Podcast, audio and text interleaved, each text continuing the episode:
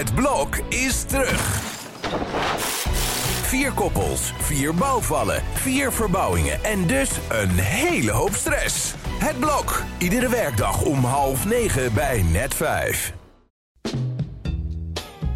Zo doet zij dat, de podcast van Vrouw. Mariket Hart en Sabine Leenhout zijn vrouw-vrouwen van het eerste uur. Maar hoe doen zij het eigenlijk? We gaan het vandaag hebben over jaloezie en afgunst. Hoe doen wij dat eigenlijk? Nou, dat valt eigenlijk wel mee.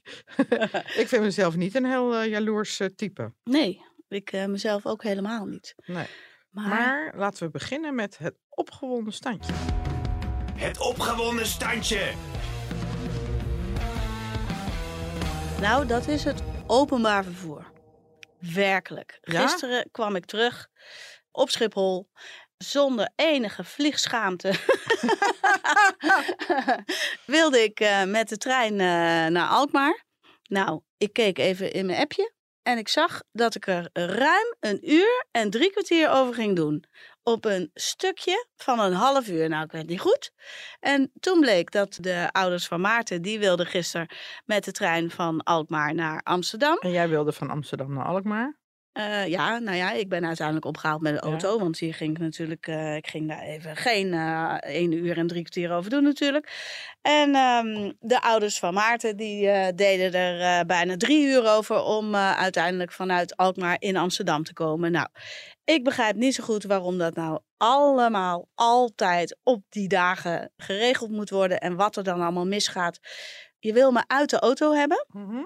Maar het regelt gewoon niet dat eh, het openbaar vervoer eh, een beetje aansluit eh, op Ja. normale wensen. Nou, dat ben ik helemaal met je eens. Ja. Ik woon dus in Amstelveen. En er ging vroeger een snelle metro, de 51. Die ging heel snel naar Amsterdam en heel vaak. Ja. Die 51 is vervangen door een, een tram in Amstelveen. En volgens mij wordt die tram binnenkort ook weer afgeschaft.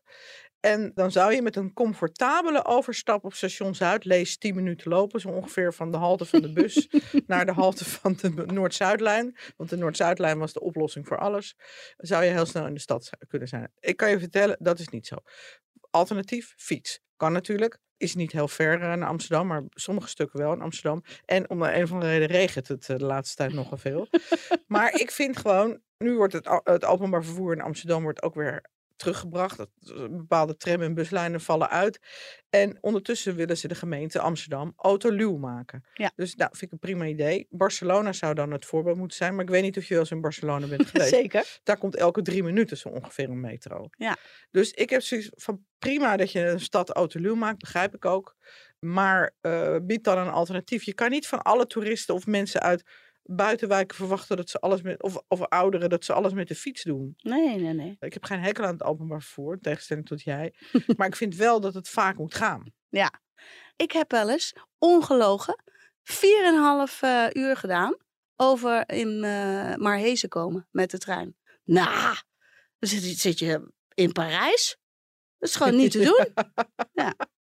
Goed, Ja. laten we erover ophouden, want ik word er echt een opgewonden wel- standje van. Is wel waar, maar goed, het eh, openbaar vervoer is wel wat aan verbetering. Ik wil nog één ding over zeggen. Nou, Eh, bijvoorbeeld, eh, mijn zoon die woont dus in Berlijn. En Ja. ik ben dus laatst was ik ook bij hem. Je kan daar ook prima fietsen en met een stepje. Maar het openbaar vervoer is ook echt heel comfortabel en komt heel erg vaak. Ja. En in de juni, juli, augustus betalen alle Duitsers dus maar 9 euro per maand. En dan mag je onbeperkt met het openbaar vervoer. Met de, met de, niet met de sneltrein, niet met de intercity, maar wel met de stoptrein. En dus ook met de tram, metro, bus, alles. En blijkt dus ook echt dat, dat ze daarmee wel mensen uit de auto krijgen. mhm. Dus ik heb zoiets van, nou, hup, als je wil dat mensen met het openbaar vervoer gaan, zorg dan inderdaad dat het rijdt en dat het betaalbaar is. precies. Goed, daar Dan zijn we het we helemaal nu- over eens. Naar het hoofdonderwerp, en dat is eh jaloezie. Ja. Nou, we zeiden net al dat we niet zo heel vaak eh, Jaloerse gevoelens jaloerse hebben. gevoelens hebben. Nou, ik kan wel. Ik eh, heb gisteren nog een, eh, ja, het is dan maar een speldenprikje jaloezie. Mhm. Maar ik heb wel een beetje jaloezie gevoeld. En het slaat er helemaal nergens op. Ik was natuurlijk eh, met jou, onder andere, een lang weekend weg. Mhm. En heb toen wij op Ibiza waren, we waren even op Ibiza, we waren aan het werken hoor, trouwens ook. Ja. Maar ehm, heb ik een ex van mij gezien. Dat is Mhm. mijn eerste verkering, waar ik van mijn negentiende tot mijn ruim 27 eh, eh, mee gewoond heb ook. En mee op wereldreis ben geweest. En wij zijn nog steeds met elkaar in contact. Af en toe we bellen elkaar rond verjaardagen. En eh, wij kwamen een vriendin of een andere vriendin van mij tegen. En die was hem weer tegengekomen. Nou, bla bla. Heel verhaal. We hebben hem even gezien. Anderhalf uur, jullie ook. Het was helemaal niks. Niet dat ik romantisch ergens een hotelletje of zo met hem nam. Het was gewoon gezellig. Heb dat ook eh, meteen thuis verteld. En ik vroeg aan mijn geliefde: En wat heb jij eh, allemaal gedaan? Dus hij was ook een opsomming aan het maken. En toen was hij ook nog even langs geweest bij een oude vriendin. En toen dacht ik: Oh ja, tuurlijk. Als ik weg ben, dan ga jij even naar een oude vriendin. Lekker dan. Dat was toch heel even een zweempje van eh jaloezie ging door me heen. Oké, want wat speelt jaloezie in jullie relatie een rol? Nee, niet, e- nee, nee. Niet echt. Echt niet eigenlijk.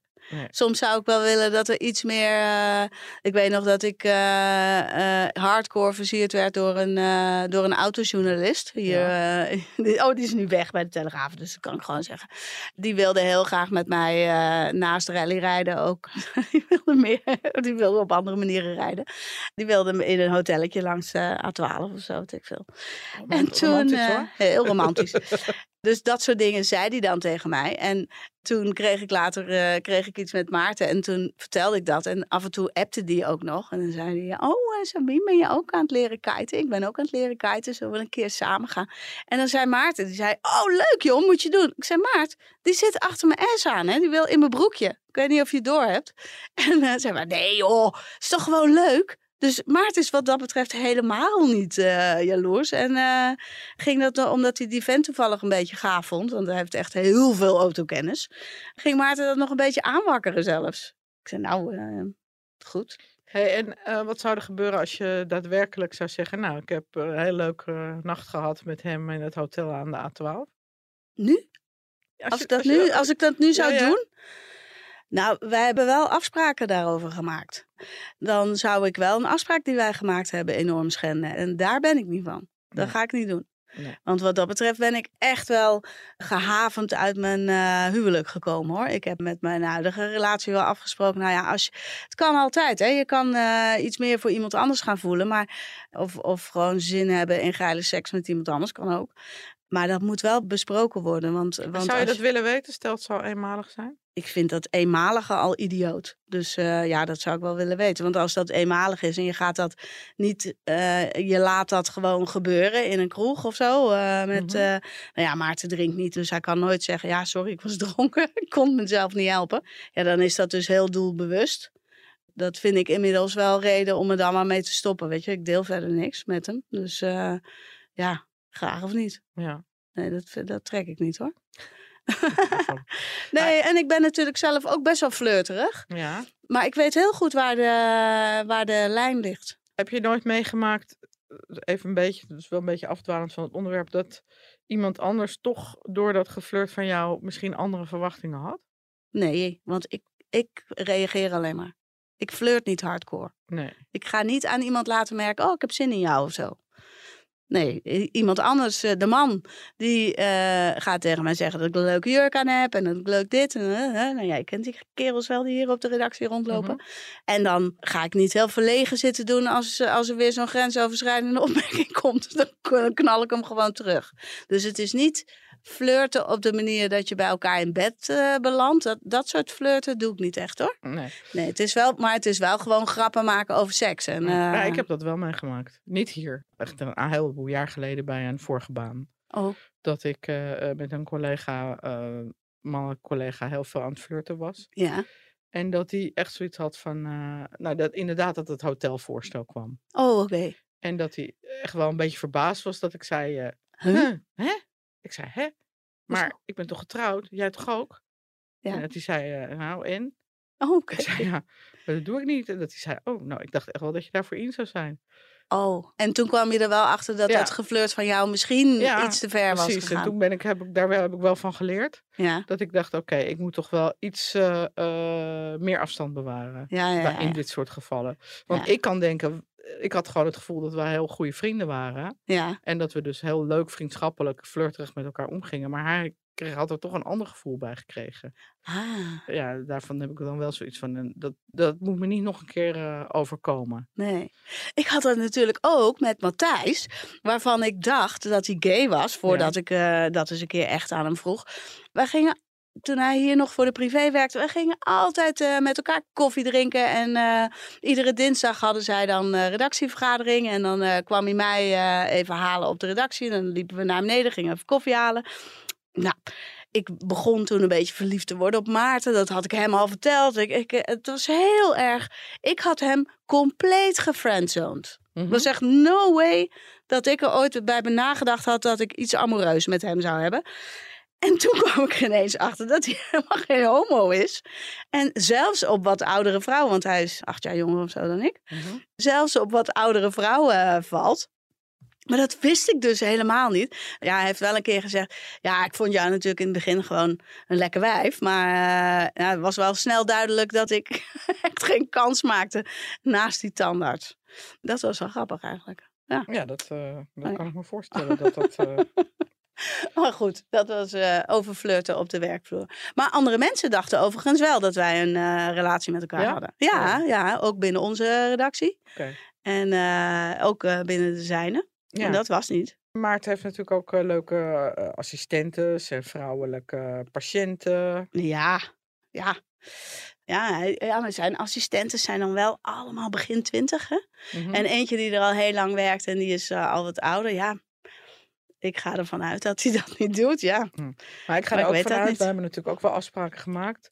Ik heb wel zoiets van, ja, weet je, kijk, je gaat een keer, stel je gaat op wintersport met vrienden en er gebeurt wat, eh, eh, je gaat zoenen in zo'n... eh, in de Mozenweert. In de Mozenweert, waar die ook was, inderdaad, met vrienden. Ja. Nou, weet je, als het niks voorstelt, ik hoef het ook niet te weten. Nee, nee, nee. Nee, hou je mond, blijf er maar mee rondlopen met het schuldgevoel, als je dat al hebt. Als je dat überhaupt al hebt. Maar ik ja. bedoel, als je verliefd wordt op een collega, ja, of je krijgt echt een verhouding, ja, dan vind ik het wel een ander verhaal. Dan wil ik het wel weten. ja. En Jeroen is ook totaal niet jaloers. Behalve, eh, ik weet nog wel dat ik, eh, toen ik hem net leerde kennen, toen zag ik mijn ex ook nog heel veel. ja.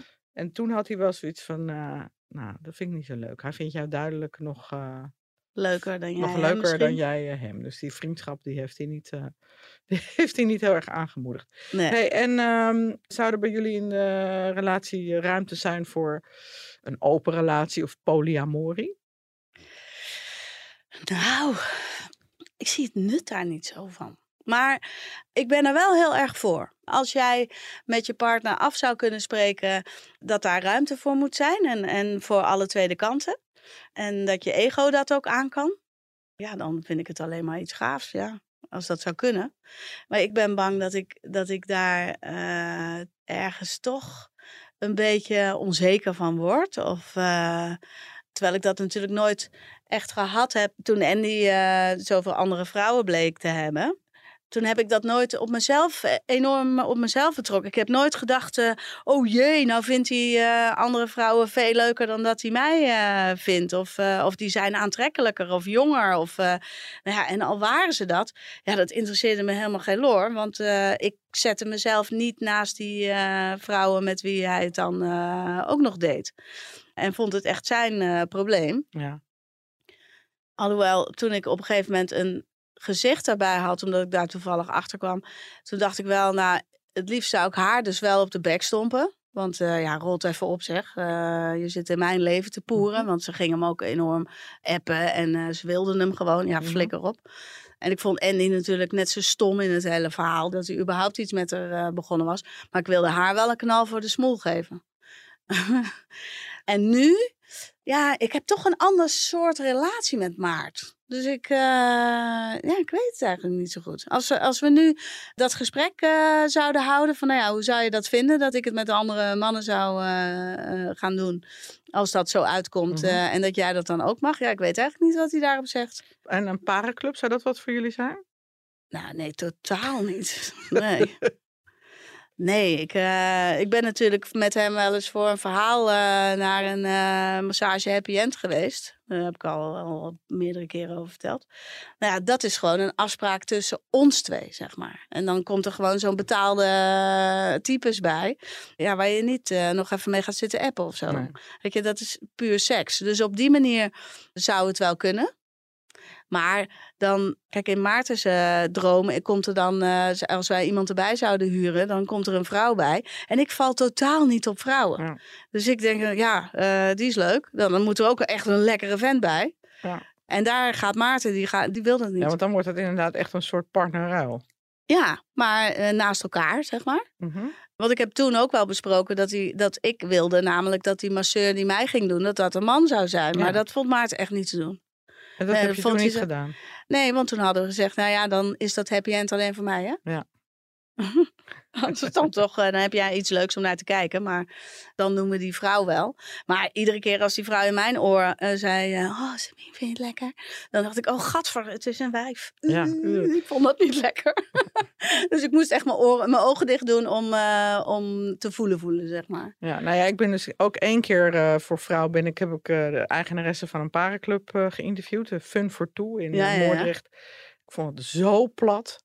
Ja, En gewoon, ik, ik wil wel seks met iemand hebben met wie ik in ieder geval eerst even een gesprek heb gevoerd. ja hoi. En dat ik diegene, nee, niet alleen hoor, dat ik diegene ook een beetje eh, leuk vind.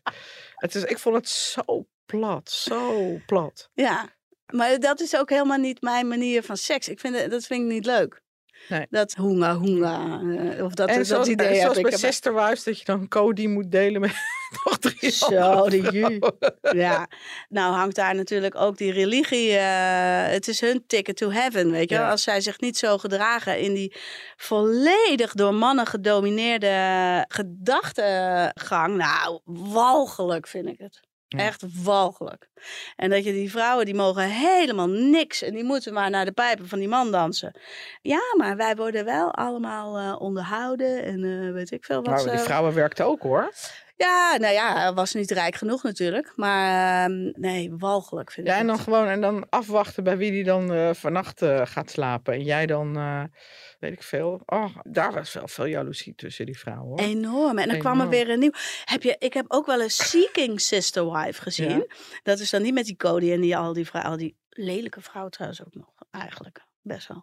Dit was Seeking Sister Wife. Ik weet nog dat ik daar de eerste keer naar keek. Er was een zwarte man en een zwarte vrouw. En die gingen er een extra vrouw bij zoeken. En in dit verhaal vond ik die vrouw heel eh, duidelijk. Die wilde er gewoon, die, die was ook bi. En die wilde er gewoon graag ook een vrouw bij. Dus, Mhm. dus hier was het initiatief, zat veel meer bij die Ja. vrouw. Waardoor het, en die man die vond het allemaal wel best. Maar die vond het wel belangrijk dat hij ook wat voor die vrouw voelde. Want anders wist hij niet of hij dat lang vol kon houden. En zij zijn dus met z'n tweeën verliefd geworden op iemand. En dat vond ik wel dan heel mooi om te Ja. zien. Maar er zat, zat ook nog een ander stel bij. Daar kwam die religie, eh, dat, eh, hoe heet het, de Mormonen of Amish of zo, wat waren Mhm. ze, nog bij kijken. En dat was Nee, dan Mormonen, ja. vanuit die geloofsovertuiging dat die man gewoon, eh, hoe meer vrouwen die had en hoe meer kinderen die maakte, hoe zekerder zijn toegang Ja. tot de hemel was. Ja, doei. Ik heb ook eens een keer zo'n aflevering gezien. Toen overleed die broer van die man. En die waren, was ook een mormonen. Mhm. En toen nam hij ook al die vrouwen en die kinderen erbij. Want daar moest hij dan voor zorgen, omdat die broer was overleden. Oh, en moest je die ook aanduwen dan? Ja, ja, het ging gewoon allemaal hetzelfde. Er kwamen gewoon twee of drie vrouwen bij.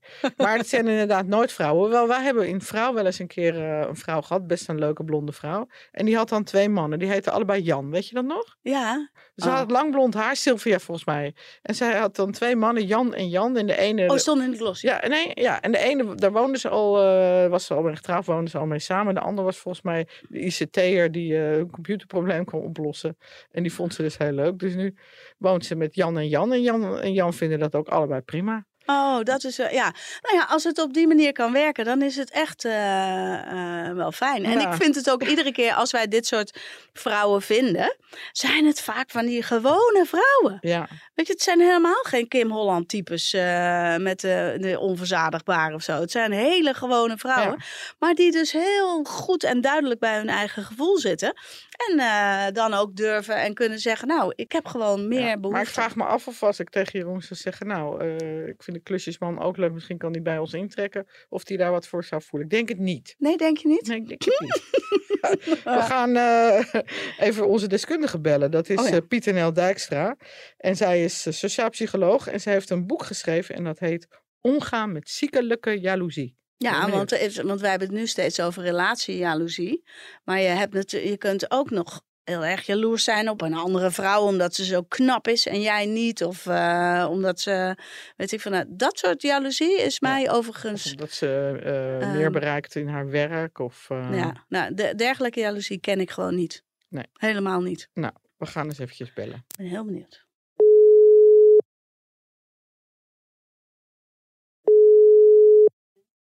Dag Pieter je spreekt met Sabine. Hoi. En met Marieke, hallo. Hoi. Marieke en ik hebben het net uitgebreid gehad over hoe wij het zouden vinden als er uh, bijvoorbeeld een extra partner uh, in onze huidige relaties ja. uh, zou komen. Of we dat zouden trekken, zeg ja. maar. Maar nou, we zijn er niet helemaal uit hoor. dat is nog niet zo'n heel makkelijk vraagstuk inderdaad. Hè? En, en nou ja, goed, dat zie ik in therapie ook wel voorbij komen hoor, dat soort vraagstukken.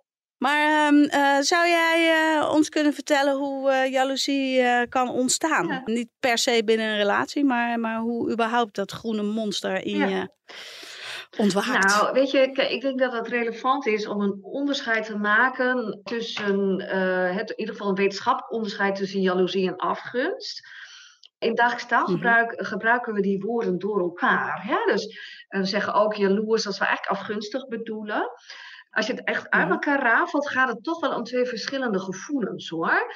En jaloezie kun je zeg maar uh, echt zien als een emotie die wordt opgewekt. Als je het gevoel hebt dat de, de relatie met je partner, of, maar ook met bijvoorbeeld een hele goede vriendin, als die wordt bedreigd door een ander. En dat gevoel van jaloezie, uiteindelijk gaat dat heel erg om: hé, hey, ik ben bang dat ik verlaten word.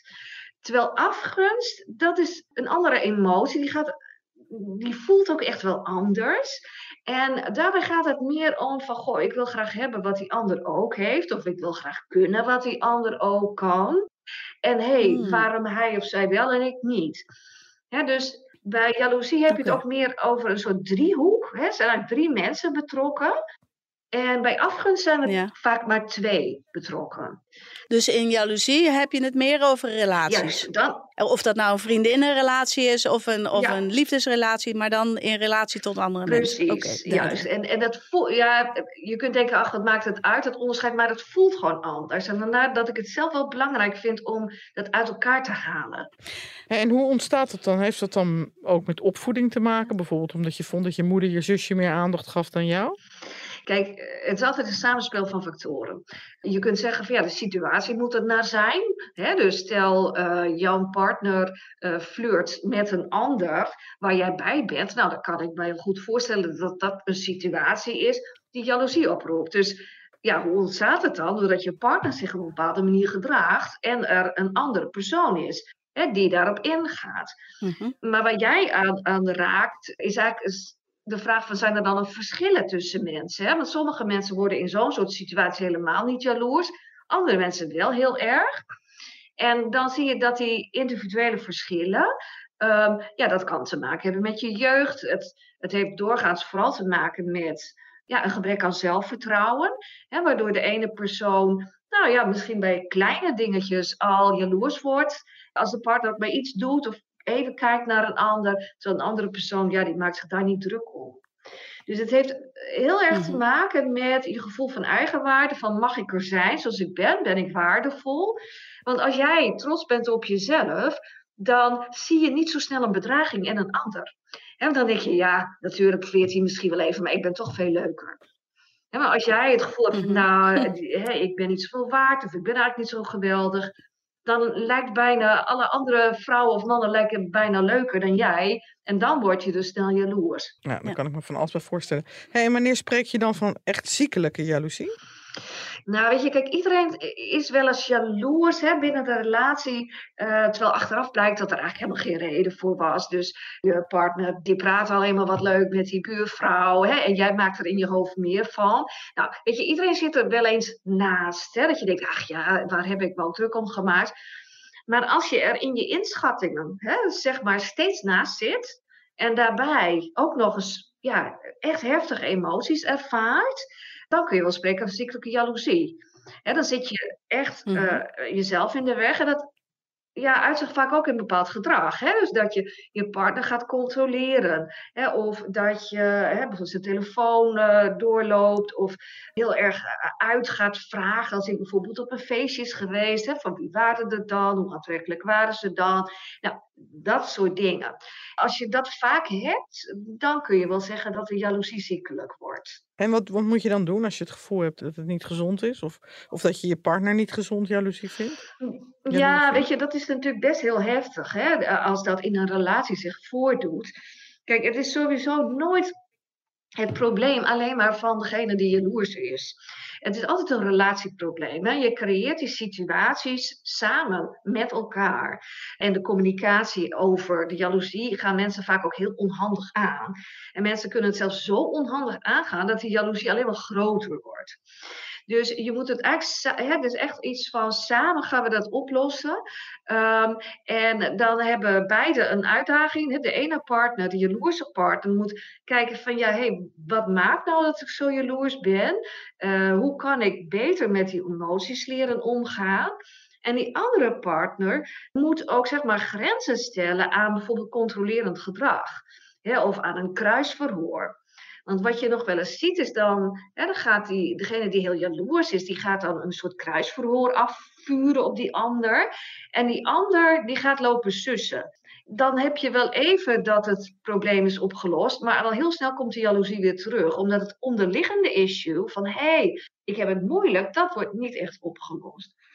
En de niet-jaloerse partner heeft ook echt wel een opdracht dan om anders te reageren op de jaloezie van de partner. Dus het is echt een gezamenlijke kwestie. Helpt er therapie, want jij bent zelf psycholoog, helpt therapie dan als je echt samen niet uitkomt? Ja, zeker wel hoor. Maar er moet, kijk, er moet altijd wel een bepaalde zelfinzicht zijn. Hè? Dat, dat iemand zegt van, oh ja, ik ben heel jaloers en ik weet dat het niet klopt. Maar weet je, dus mensen moeten het wel herkennen als een probleem bij zichzelf. Hè? Pas dan gaan ze in therapie. En dan kan je als therapeut, als relatietherapeut, best veel doen hoor. Ik ehm, heb op een gegeven moment een stel gehad, eh, vorig jaar. Ja, daar was de jaloezie zo geëscaleerd dat hè, de, de vrouw is heel jaloers. En de man mocht dus eigenlijk niet meer tv kijken. Omdat ja, op tv zijn er soms wel eens aantrekkelijke vrouwen. Ehm, dus die mocht alleen nog maar bijvoorbeeld naar het nieuws kijken met zijn hand voor de ogen. Nou, dat gaat natuurlijk heel ver Nou, dan kan je wel in een aantal sessies al heel veel bereiken. Hè? Dat die patronen veranderen. En dit gedrag is nu ook helemaal uit die relatie. En het is nog steeds wel moeilijk, maar het is niet meer zo'n groot probleem als dat het was. Ik, mensen kunnen wel degelijk stappen maken hoor. En vooral omdat als je met z'n tweeën met het probleem zit, je, je kunt soms wel in cirkeltjes lopen hè, met z'n tweeën. En je wil het graag anders, maar je weet niet hoe. En uh, dan kan een goede relatietherapeut wel degelijk uh, helpen om die patronen te doorbreken. Mm, Ik denk dat ik weg zou gaan bij zo'n man en dan bereikt hij het tegenovergestelde. ja, ik denk dat dat uh, inderdaad wel vaak een reden Ja. is hè, om, uh, om dan een relatie te verbreken. Ja, zeker hoor. Als iemand zo en zo, zo loopt het Ja. soms ook af. Hè, dat mensen het zo benauwd krijgen omdat die partner zo controlerend en jaloers is. Dat ze het gewoon niet trekken en denken van nou, ik, ik ga weg. Alleen dan dat komt dat niet alleen maar door de jaloerse partner. Het komt ook omdat ze er niet, hand, niet, niet goed mee om weten te gaan. Hè, want ze faciliteren eigenlijk, ze, ze versterken de jaloezie van hun partner door steeds maar mee te gaan. En ja, nee, dan kijk ik wel geen tv meer, doe dit wel niet. Ja, en dan krijg je benauwd. Dus je moet ook voor jezelf op durven komen. En eigenlijk is dan de enige manier om dit op te lossen, is die uh, in dit geval dan die vrouw gewoon meer zelfwaarde geven. Meer, joh, jij bent, Ja, bent om, misschien om, wel. of om te zeggen, sorry hoor, maar dat gaat me echt veel te ver. Ik kijk gewoon tv. Ja. Ja. Nou ja, weet je, Ja, dat zal, ja. dat zal Nou, altijd moeilijk. helpen. Hè? Maar er zijn heel veel manieren om dat te verbeteren. Want eh, kijk, die vrouw was bijvoorbeeld in een vorige relatie, had ze helemaal geen last van jaloezie. Dus er zit ook iets in de relatie hè, die dat voedt. Er zijn dingen gebeurd. Mm. Het is niet zo van, goh, dat kan soms heel erg wisselen per relatie. Dus daarom is het ook echt een relatieprobleem.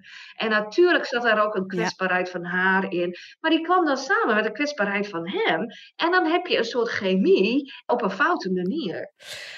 Ja, moeilijk hoor. Ja, ik heb nu ook eh, op dit moment in mijn omgeving eh, een relatie die eh, over dreigt te gaan. Omdat hij dan zegt dat zij ziekelijk jaloers is. En ik van de buitenkant af heel vaak zie dat hij altijd nog wel een paar lijntjes in het water heeft zitten. Ja, precies. En als je dat dan zo half voelt, ik, Ja. ja, ik kan me voorstellen hoe dat dan escaleert. Ja, weet je, in, in zo'n soort geval, hè, waarvan je zegt van, nou, de een zegt van de ander, "Hé, jij bent heel jaloers, en de ander zegt, ja, nee, maar jij bent zo'n veertkont, dan zijn er geen goede afspraken gemaakt over de grenzen van de relatie.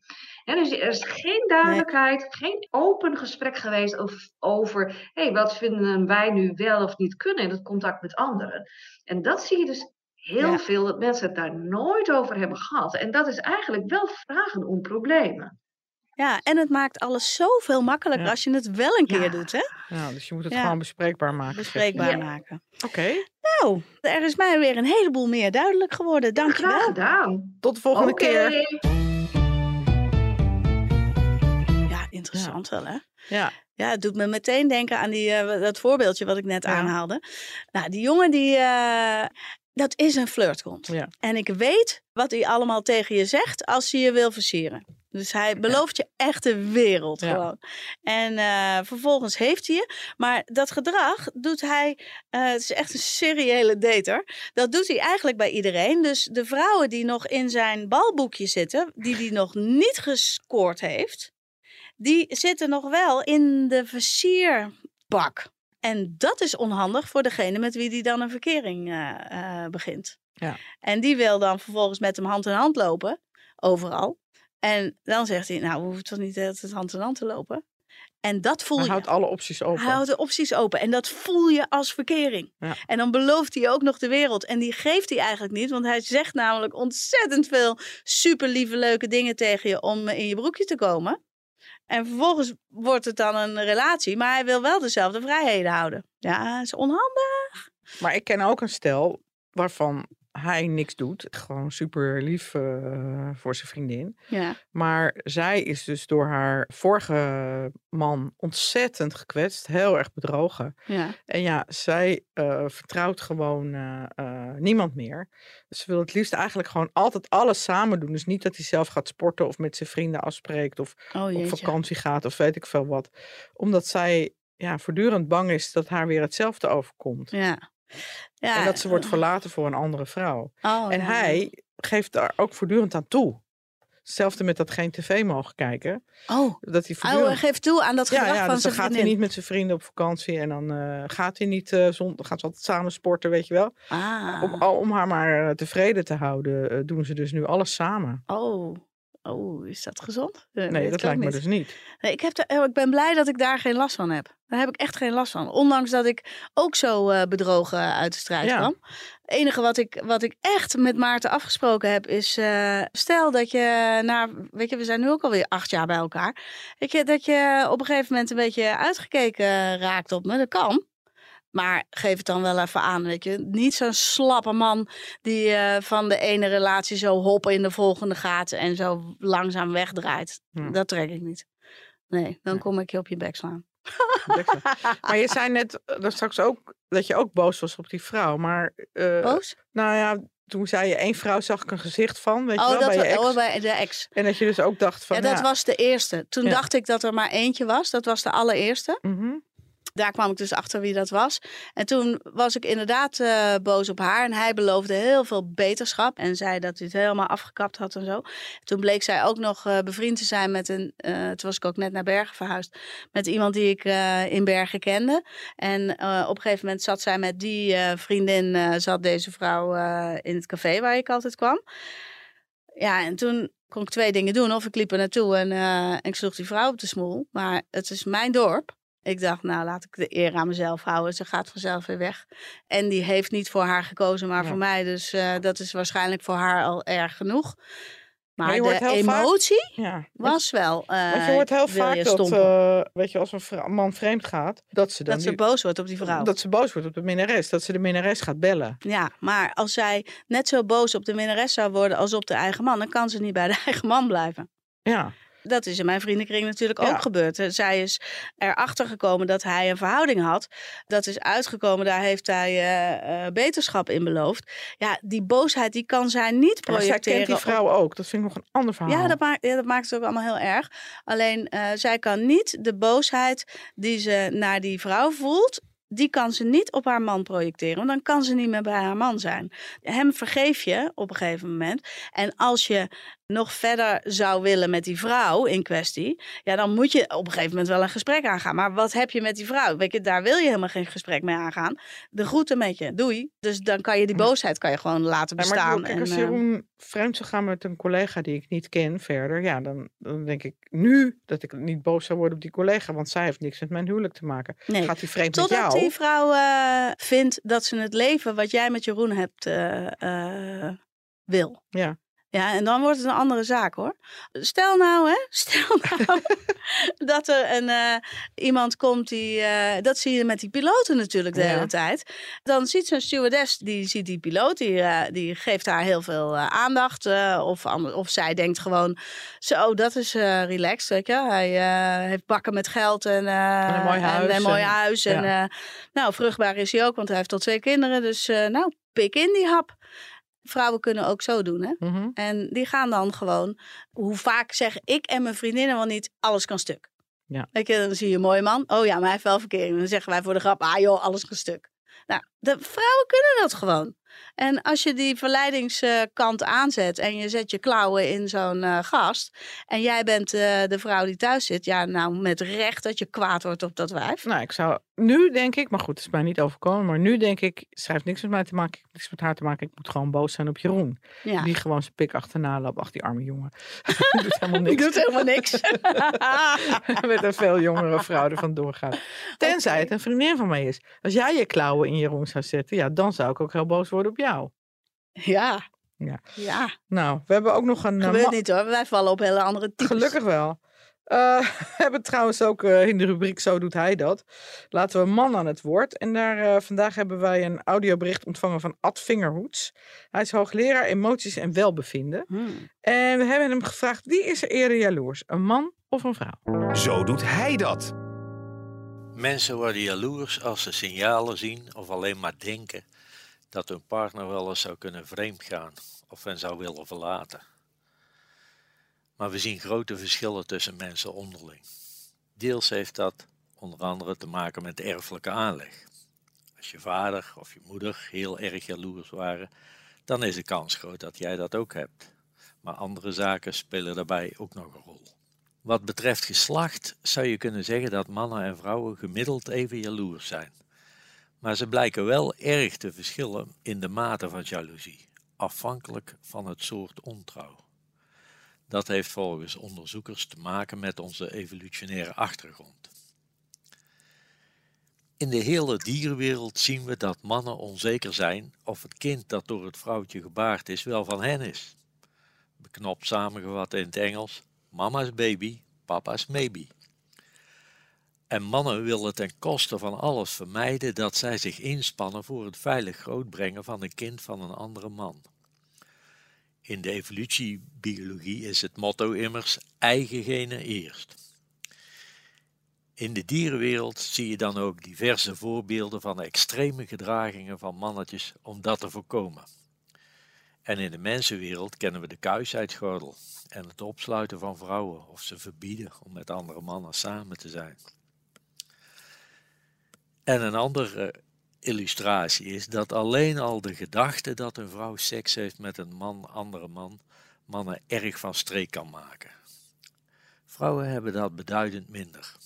Die hebben dus minder problemen met het slippertje van hun man, maar voor hen geldt dat ze zich veel meer zorgen maken en boos worden als hun man een meer emotionele wand aangaat met een andere vrouw. en veel tijd en geld aan die ander besteedt. Dat zou namelijk kunnen betekenen dat hij minder tijd en geld voor haar en eventuele kinderen over heeft. Bedenk dat het in de oertijd een serieus probleem was voor een vrouw als ze eventueel met een kind door manlief alleen werden achtergelaten. Onze hersenen die blijken voor een groot deel nog op dezelfde manier te functioneren zoals ze dat vele duizend jaar, jaren geleden ook al deden. Ze zijn niet echt up-to-date. Allerlei culturele ontwikkelingen gaan zo waanzinnig snel dat ze dat allemaal niet kunnen bijbenen, waardoor we in veel situaties nog op precies dezelfde, misschien wel een beetje achterhaalde manier reageren als in de oertijd. Ja, ja inderdaad. Ja, ik, ik, herken dat helemaal. Precies wat ik net zei. Ja. Een slippertje zou ik hem kunnen vergeven. Ja. Gaat hij een emotionele band aan met een andere vrouw, dan zou ik er wel jaloers op worden. Ja, dat is inderdaad ook bedreigender voor, eh, voor de, eh, dat wat jij met hem, eh, met hem hebt. Ja. Ja. En daaruit kun je dan ook wel zien als, als seks eigenlijk het enige is wat jou heel erg bindt aan een man. En hij zou dat bij een ander gaan doen, dan, dan wordt het wel een probleem. ja. Bijna geen enkel eh, geloof of cultuur staat dus eh, ook eh, polygamie toe met dus dat één vrouw meerdere mannen mag hebben. Is Nee, bijna maar dat altijd komt om- alleen maar één man mag meerdere vrouwen. Ja, maar dat komt omdat het totale religie, of nou in ieder geval de Rooms-Katholieke geloof en het protestante geloof overigens ook, is volledig vanuit mannelijk oogpunt. Ook de islam in sommige landen mag je meerdere Precies. vrouwen hebben. Is ook totaal patriarchaal. Ja. ja. Daarom ben ik zo tegen religie, zelf persoonlijk. Je kan je eigen religie hebben, maar je moet niet aansluiten bij een clubje hoor. Dat kan je gewoon zelf doen. Ja, in sommige Ja. landen kan je dat wel willen, maar eh, als jij in Iran bent geboren bijvoorbeeld, dan heb je gewoon puur pech. Ja, dan heb je zeker Dan pech. moet je, eh, daar staat zelfs strenge straffen op eh, afvalligheid. Ja, ja want ehm, even over afgunst. Hè? Want Ja. dat is natuurlijk ook wel een bijzondere ehm, kant van jaloezie. Die eh, Pieter Nel legde natuurlijk net al Mhm. uit dat daar een groot verschil tussen zit. Ben jij wel eens afgunstig geweest? Mm, nou, wel eens dat ik, eh, dat ik het gevoel had, oh, dat had ik ook wel gewild. Oh ja. Meer inderdaad een speldenprikje. Ja. Over het algemeen denk, ben ik denk ik zelfverzekerd genoeg eh, om heel tevreden te zijn met wat ik heb. Maar ja, ik weet nog wel dat ik een tijdje wilde ik heel graag een derde kind. En Jeroen wilde dat niet. En ik had zoiets van, ja, dat moet je echt alleen maar willen als je dat allebei wil. Maar ik weet Mhm. nog wel dat een collega Anita Willemars, die kreeg toen wel het derde kind. Ja, En dat ik echt zoiets had van, oh, dat, dat zij wel en ik niet. ja, ja. ja. ja. En dat is puur een eigen keuze. Ik kan me heel goed voorstellen dat als je geen kinderen kan krijgen en vriendinnen om je heen eh, eh, dat wel allemaal krijgen, dat het heel veel moeilijker is. Ja. En bij een heleboel dingen denk ik ook van, een heleboel dingen kan je ook bereiken door er hard voor te werken. Ja, ja, ja. Ik wil wel wat opbiechten eh, over afgunst. Oké, doe dat. Opgebiecht. Ja, ik herken dat natuurlijk ook. En eh, wonende in Bergen. Ik kan heel soms wel eens met, eh, als ik ieder dubbeltje weer om heb moeten draaien, omdat ik toevallig hele gave tegels eh, uitgezocht heb voor mijn hal. En in loondienst hard voor mijn geld moet werken.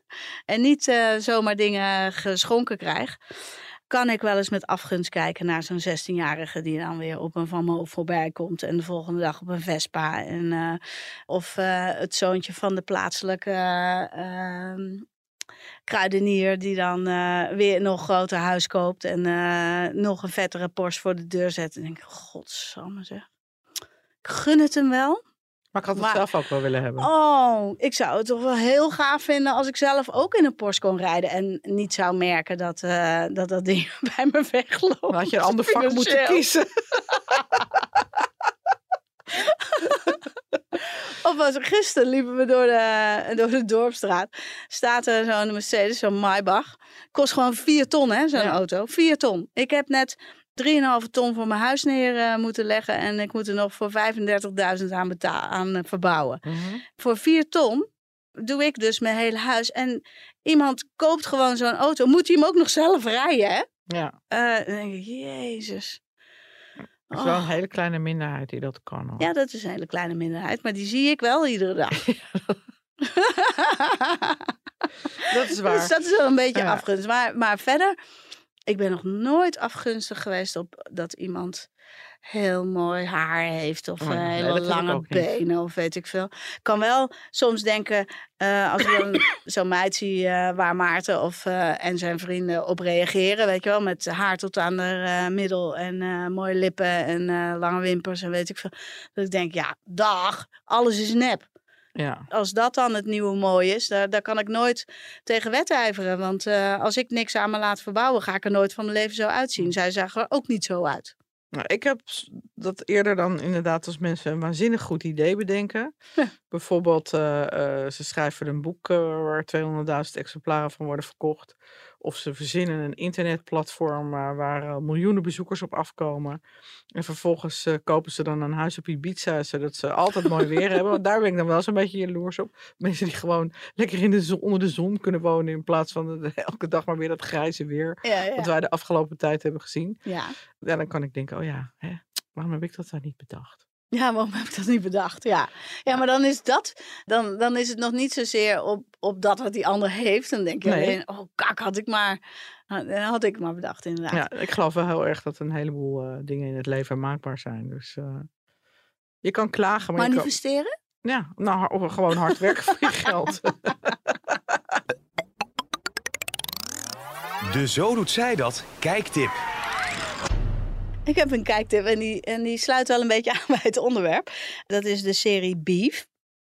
Die is op Netflix te zien. Daar heb ik gisteren eh, vier afleveringen volgens mij van gekeken in een vliegtuig. En dat gaat over een, eh, een vrouw die eh, een plantenwinkel gaat verkopen voor 10 miljoen. Volledig aan het lijntje wordt gehouden door degene eh, die dat gaat kopen. Maar goed, dat terzijde. En een eh, hele arme aannemer, wiens ouders eh, net gedeporteerd zijn omdat het hun motel daar werd vanuit geheeld door een van de neven van de familie. En die aannemer die probeert alle eindjes aan elkaar te knopen en ehm, een huis voor zijn ouders te bouwen. Die vrouw en deze man die komen elkaar in de eerste vijf minuten van de serie tegen op een parkeerterrein voor een supermarkt botsen bijna tegen elkaar en hebben dan beef met elkaar. Die krijgen ruzie met elkaar. En dan gaat de hele serie, proberen ze elkaar het leven zuur te maken en op de meest afschuwelijke manier. Nou ja, dat die ene dan steenrijk is en die andere straatarm, ja, dat hoort er dan ook wel bij. Er komt een heleboel afgunst eh, in kijken. Nou, ik ben heel benieuwd. het is eh, smullen. En je kan het ook met je man kijken. Die vindt dit vast en zeker leuk. Oké, nou, ik ben eh, begonnen aan de dramaserie Dag en Nacht.